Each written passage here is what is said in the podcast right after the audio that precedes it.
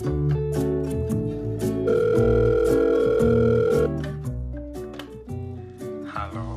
sayang, masih marah ya? Jangan marah dong, ayo dijawab.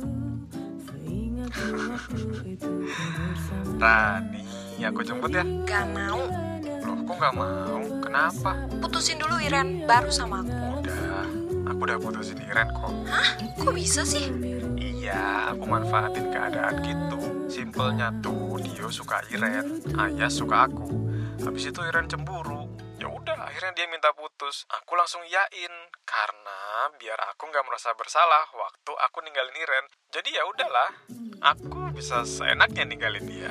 Jadi, sekarang kita nggak usah sembunyi-sembunyi dong. Iya, Bisa posting di Instagram. bisa dong. Hmm, tambah sayang deh aku sama kamu. Waktu Ayas nembak kamu gimana sayang? Aku bilang masih sayang sama seseorang. Mungkin mereka ngiranya Iren. Tapi kan aku sayangnya sama kamu, ya kan? Oh, I love you tuh sayang. Menggerutu